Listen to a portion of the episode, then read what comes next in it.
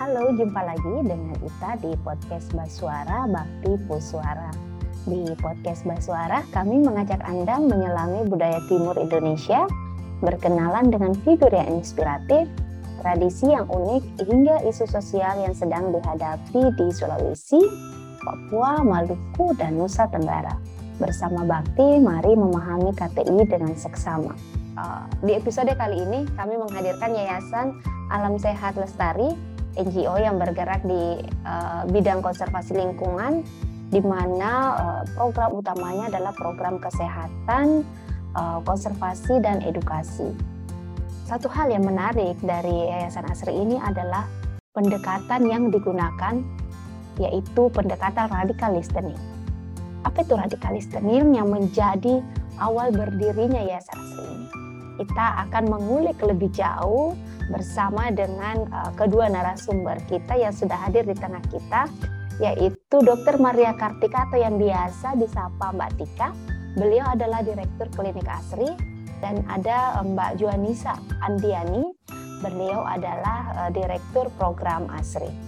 Halo Mbak Tika, Mbak Nisa. Halo. Selamat Mbak pagi, selamat datang di podcast Basuara. Selamat pagi. Halo, selamat pagi. Terima kasih sebelumnya sudah menyempatkan waktu untuk berbagi inspirasi di podcast Basuara.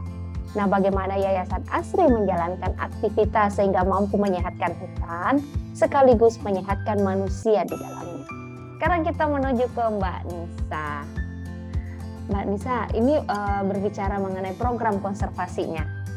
Untuk konservasinya sendiri apa saja program-program di dalamnya Mbak yang dijalankan oleh program Asri?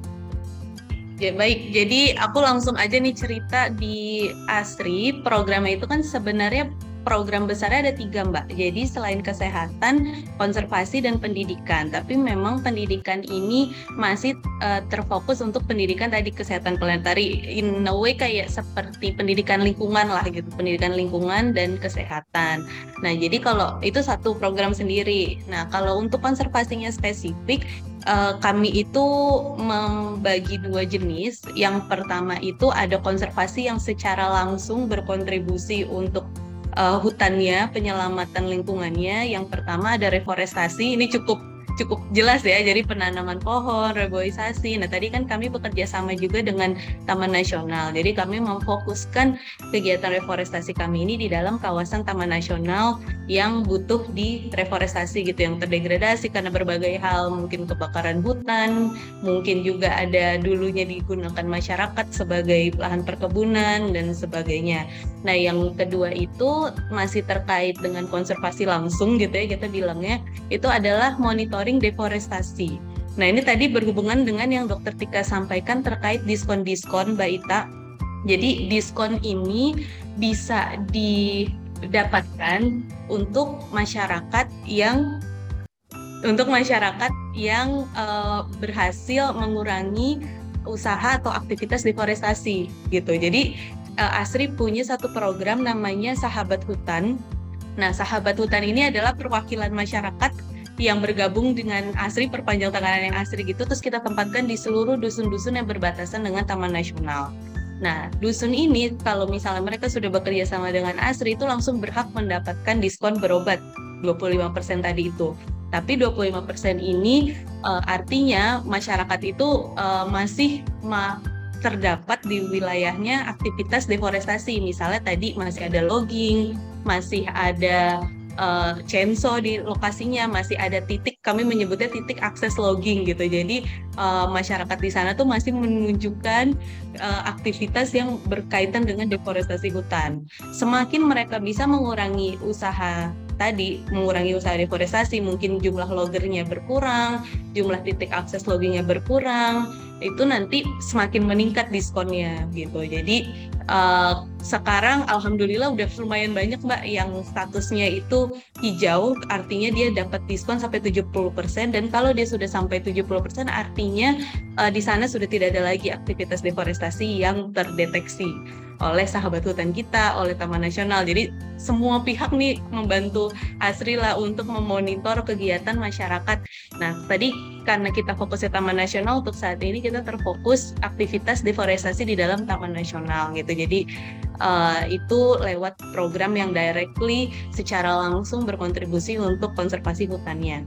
Nah, yang tidak langsung itu kita lewat program mata pencaharian alternatif, Mbak. Jadi ada satu satu program. Ini sebenarnya ada juga yang terkait dengan reforestasi. Mungkin aku ceritain yang itu dulu. Satu program reforestasi kita itu namanya kebun menjadi hutan bahasa Inggrisnya garden to forest.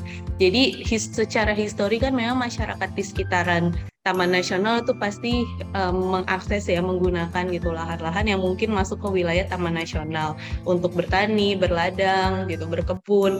Nah, karena sudah masuk ke Taman Nasional, artinya sebenarnya wilayah tersebut menjadi kawasan lindung yang tidak bisa masyarakat manfaatkan secara intensif gitu. Nah, akhirnya ada suatu solusi ini datang dari radikal listening loh, Mbak. Jadi makanya ini adalah sesuatu yang menurut kami radikal listening ini harus diadopsi sama banyak orang karena masyarakat berkata mereka ini masih membutuhkan akses gitu kan. Masih kami perlu butuh uh, berkebun. Kenapa? Karena itu source of income kami sumber mata pencaharian kami. Nah akhirnya kita buat sebuah program reforestasinya ini uh, bekerja sama juga uh, dengan Taman Nasional di mana Taman Nasional itu memperbolehkan masyarakat mengakses wilayah kawasan di dalam Taman Nasional dengan syarat uh, perkebunan yang ditanam di sana itu uh, bentuknya adalah kayak semacam agroforestry tapi bukan spesifik agroforestry. Jadi hanya boleh kebun eh pohon hanya boleh pepohonan pohon buah pohon kayu dan nanti pohon buah tersebut boleh dimanfaatkan oleh masyarakat. Jadi kayak hasil hutan bukan kayunya itu boleh dimanfaatkan oleh masyarakat jadi masyarakat ini tidak tertutup aksesnya untuk bisa menggunakan wilayah kawasan Taman Nasional selama tidak tadi tidak untuk logging, tidak untuk misalnya ladang berpindah karena itu kan salah satu sistem ya yang digunakan masyarakat Kalimantan untuk bertani.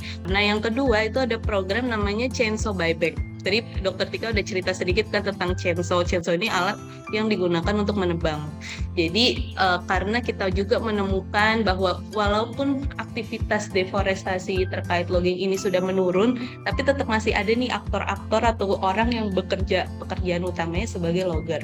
Nah, mereka ini belum mau beralih dengan alasan mereka tidak mempunyai modal untuk melakukan mata pencaharian yang lain gitu. Itu satu hal. Kemudian yang kedua misalnya mereka bilang kami tidak ada skill lain selain menebang kayu. Karena itu kan cukup mudah karena hanya modal tenaga fisik gitu ya. Kemudian mungkin ilmu-ilmu kehutanan sedikit dan itu sudah langsung bisa. Nah gimana nih solusinya kalau misalnya masyarakat ini benar-benar tidak punya uh, cara lain untuk bertahan hidup selain logging? Nah akhirnya uh, di tahun 2017 ada satu juga inisiasi lagi-lagi dari radical listening masyarakat itu minta modal modal usaha gitu. Tapi habis itu kita kasih syarat, oke okay, kita kasih modal buat kalian berusaha, usaha-usaha yang tidak merusak hutan, tapi kalian kasih chainsaw-nya ke kami. Makanya disebutnya program chainsaw buyback atau program tukar chainsaw. Kita ambil chainsaw-nya kayak ditahan gitu, nggak sih nggak ditahan kita beri ya kita kita ambil chainsaw-nya kemudian kita uh, berikan modal usaha dan itu masih kita dampingi usahanya terutama untuk uh, logger-logger yang kita katakan aktif nih jadi kayak jadi itu juga uh, lumayan banyak menerima uh, respon yang positif karena sekarang jadi banyak turun menurun sekali uh, jumlah loginya dan jadi banyak mata pencaharian alternatif yang berkembang di desa di daerah Sukadana sorry. Dan yang terakhir tadi Tika udah cerita untuk mata mata pencaharian alternatif yang lebih uh, langsung lagi itu adalah pertanian organik dan kambing untuk janda. Jadi pertanian organik cukup jelas kayak kita memberikan pertanian eh pelatihan pertanian dengan dasar-dasar mengurangi pupuk kimia itu seperti apa. Dan sebenarnya goal masyarakat di sini itu karena pupuk kimia itu mahal. Sedangkan di wilayah ini kan banyak ya resource-resource uh, sumber-sumber natural yang bisa kita ubah misalnya menjadi pupuk organik gitu, uh, pestisida organik, herbisida organik dan itu cukup membantu uh, menekan biaya produksi pertanian. Makanya itu yang bikin masyarakat semangat gitu kalau berlatih organik dan itu juga sangat berkembang di sini dan kambing untuk janda. Nah, ini menariknya adalah request juga permintaan dari masyarakat ini nanti punya janda-janda katanya. Gitu, gitu. kalau di sini uh, bahasanya kan Melayu kayak gitu nih janda-janda gimana ya yang membantunya? Gitu kan. Dan akhirnya uh, kita bu buat program namanya kambing untuk janda. Jadi si ibu ini dikasih kambing kemudian dipinjamkan kambing uh, pasangannya. Misalnya dia uh, dapat kambing betina dikasih kambing jantan. Dan nanti dikembangbiakan gitu. Nanti kalau udah punya anak, nanti dikembalikan kambing jantannya diputar lagi ke janda-janda lain dan itu juga luar biasa uh, apa namanya programnya sangat bisa kami bilang sangat sukses karena sekarang bahkan janda tuh punya kambing belasan gitu. Dari yang cuma satu asri kasih sebagai modal, itu dia bisa ber, apa mengembangkan sampai belasan ekor kambing uh, secara umum program konservasi kita ini tuh jadi lebih diterima sama masyarakat. Kenapa? Karena kebutuhan akan kesehatan yang mana tadi disebutkan mahal, mahal sekali gitu ya besar itu sudah tidak menjadi sesuatu yang menakutkan gitu untuk masyarakat. Jadi karena masyarakat merasa oh kebutuhan kesehatan kami sudah terpenuhi secara kualitas, mungkin dari badannya mereka juga secara fisik sudah bisa uh, sehat, produktif gitu ya. Jadi untuk menerima program-program konservasi, tapi karena ada kesehatan yang sudah terpenuhi, mereka jadi bisa lebih terbuka untuk menerima program-program terkait dengan konservasi atau penyelamatan lingkungan, perlindungan lingkungan seperti itu, Mbak. Nah, bagaimana dukungan dari pemerintah desa, Mbak Tika? Ya, uh, ya jadi pemerintah desa ini uh, luar biasa sih uh, apa namanya supportnya. Terutama kalau di sekitaran Taman Nasional Gunung Palung itu tidak bisa dipungkiri mereka ini pegang andil yang sangat besar dalam uh, keberjalanan program kita terutama tadi usaha konservasi gitu ya. Bagaimana mereka juga sebagai orang-orang uh, yang aktif gitu me membantu melobi masyarakat supaya misalnya tadi meninggalkan uh, pekerjaannya sebagai logger. Itu salah satu contoh aja gitu. Dan kalau misalnya kita radikal listening itu juga sebenarnya uh, key person atau aktor utamanya itu adalah si, si pemerintah pemerintah desa ini mak makanya mereka yang tahu kondisi uh, masyarakatnya kebutuhan masyarakatnya itu apa. Kemudian mereka sebagai aparat pemerintah kan juga tahu misalnya keterbatasan mereka itu apa gitu ya. Dan apa namanya menjadi menjadi ini juga sih kami juga berusaha untuk membuka lapangan pekerjaan gitu jadinya untuk masyarakat masyarakat di sini. Jadi kalau misalnya teman-teman uh, di luar sana uh, ada yang mau berkontribusi dengan um, menanam pohon di ASRI itu kami ada satu program namanya adopsi bibit Nah, itu sebenarnya juga selain kita menanam pohon, teman-temannya juga berkontribusi untuk memberikan lapangan pekerjaan kepada masyarakat yang ada di sekitar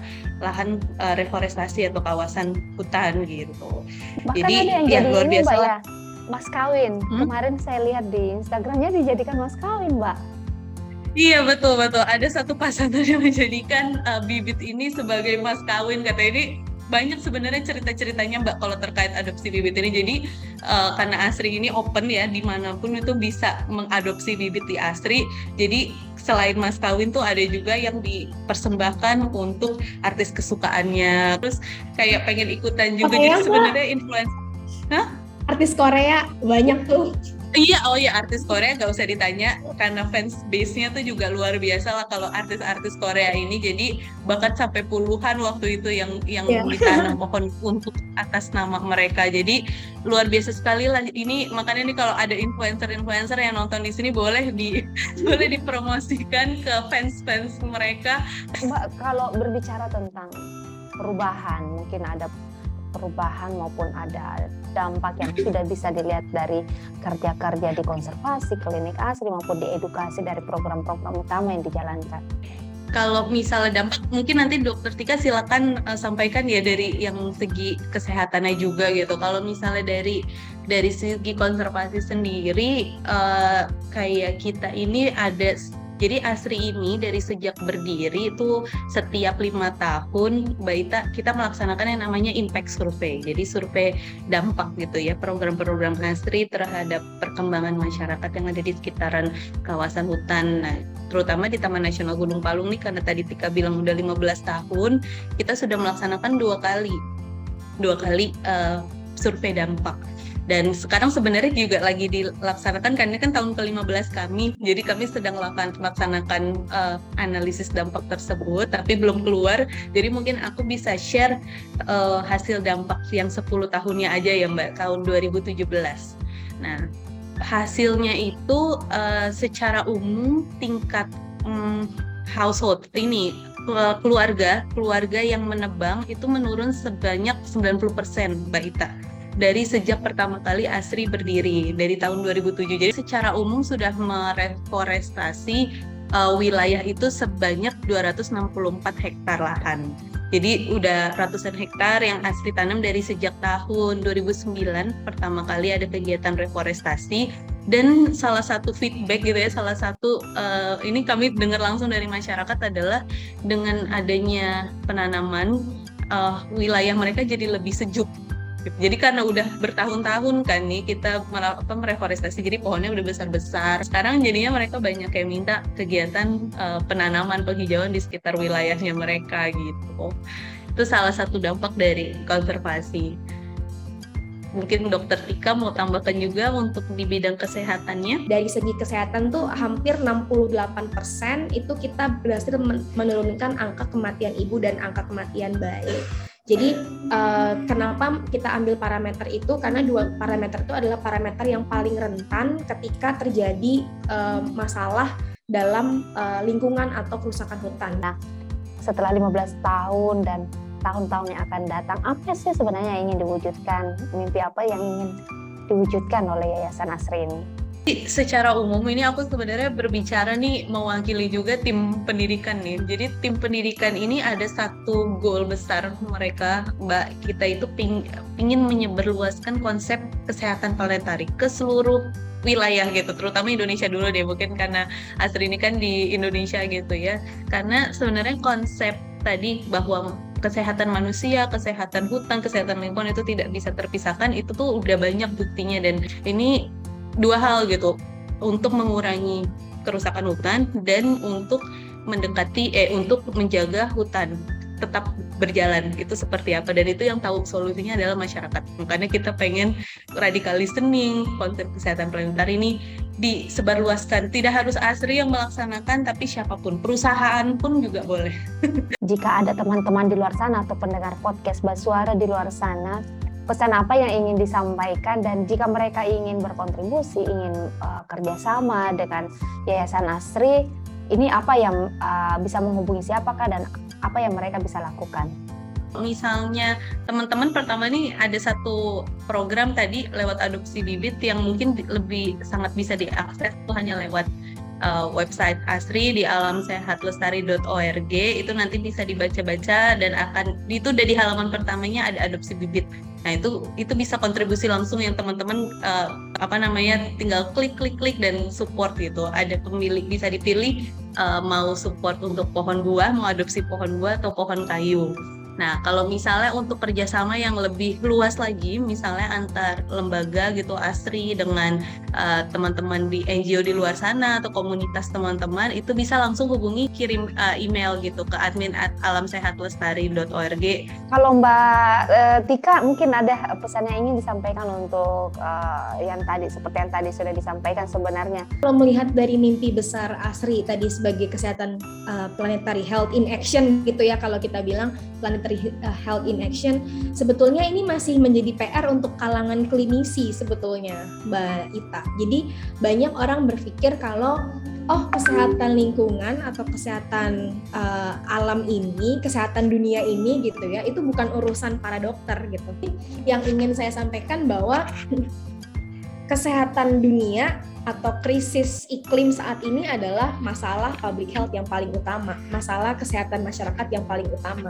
Dan itu yang Asri bawa saat ini melalui kesehatan planetari dan program-program keterkaitan antara konservasi hutan dan kesehatan. Kalau pesan dari saya secara khusus untuk para tenaga kesehatan, jika misalnya teman-teman sudah menyadari bahwa kita ini hidup di dalam bumi yang membutuhkan uh, istilahnya kebersamaan kita untuk menjaga bumi tetap sehat agar kita pun tetap sehat begitu ya itu harus mulai ada keinginan untuk belajar mengenai kesehatan planetari. Belajar tuh mungkin masih agak susah paling nggak aware dulu lah gitu ya kayak peduli dulu tahu dulu bahwa krisis iklim adalah masalah kesehatan uh, kesehatan masyarakat yang paling besar gitu. Uh, jadi mungkin untuk para klinisi di luar sana, para dokter, para perawat, para apa pun profesi tenaga medis, kalau misalnya tertarik, uh, itu bisa sebetulnya banyak sumber-sumber akses yang bisa dipelajari uh, termasuk salah satunya adalah ASRI kalau untuk yang versi Indonesia gitu ya. Tapi kalau ingin mengulik lebih dalam itu bisa untuk belajar lebih dalam di Planetary Health Alliance. Jadi supaya kita tetap bisa menjadikan kesehatan planetari sebagai global movement kita untuk tetap menjaga hutan kita lestari dan juga manusia yang sehat. Keren sekali, terima kasih banyak Mbak Tika, makasih banyak Mbak Nisa ya ada banyak sekali pengetahuan, ada banyak sekali pembelajaran, ada ada banyak sekali gagasan-gagasan yang bisa kita tarik dan bisa kita pelajari dari uh, apa yang dilakukan oleh teman-teman di Yayasan Asri. Semoga visi kita menjadikan uh, kesehatan uh, planetari ini sebagai gerakan bersama untuk bumi yang lebih sehat, uh, bisa mewujudkan uh, manusia yang sehat karena uh, hutan dan bumi lingkungan uh, dan alam sekitar ini masih ingin kita wariskan ke anak-anak cucu kita bagaimana kita bisa mewariskan bumi yang rusak ke mereka oh. harus dari kita semua nih mbak ya, betul mbak Baik, makasih banyak Mbak ya. Ya, selamat beraktivitas ya. Dari uh, diskusi ini kita bisa uh, belajar bagaimana sebuah konsep uh, konsep kesehatan planetari ini diperkenalkan oleh Yayasan Asri uh, untuk uh, mengingatkan kembali ke kita bahwa manusia tidak akan sehat tanpa alam yang sehat. Begitupun sebaliknya, alam tidak akan sehat tanpa manusia yang sehat. Para pendengar podcast Basuara di mana pun berada, itulah tadi perbincangan kami dengan Mbak Tika dan Mbak Nisa dari Yayasan Asri.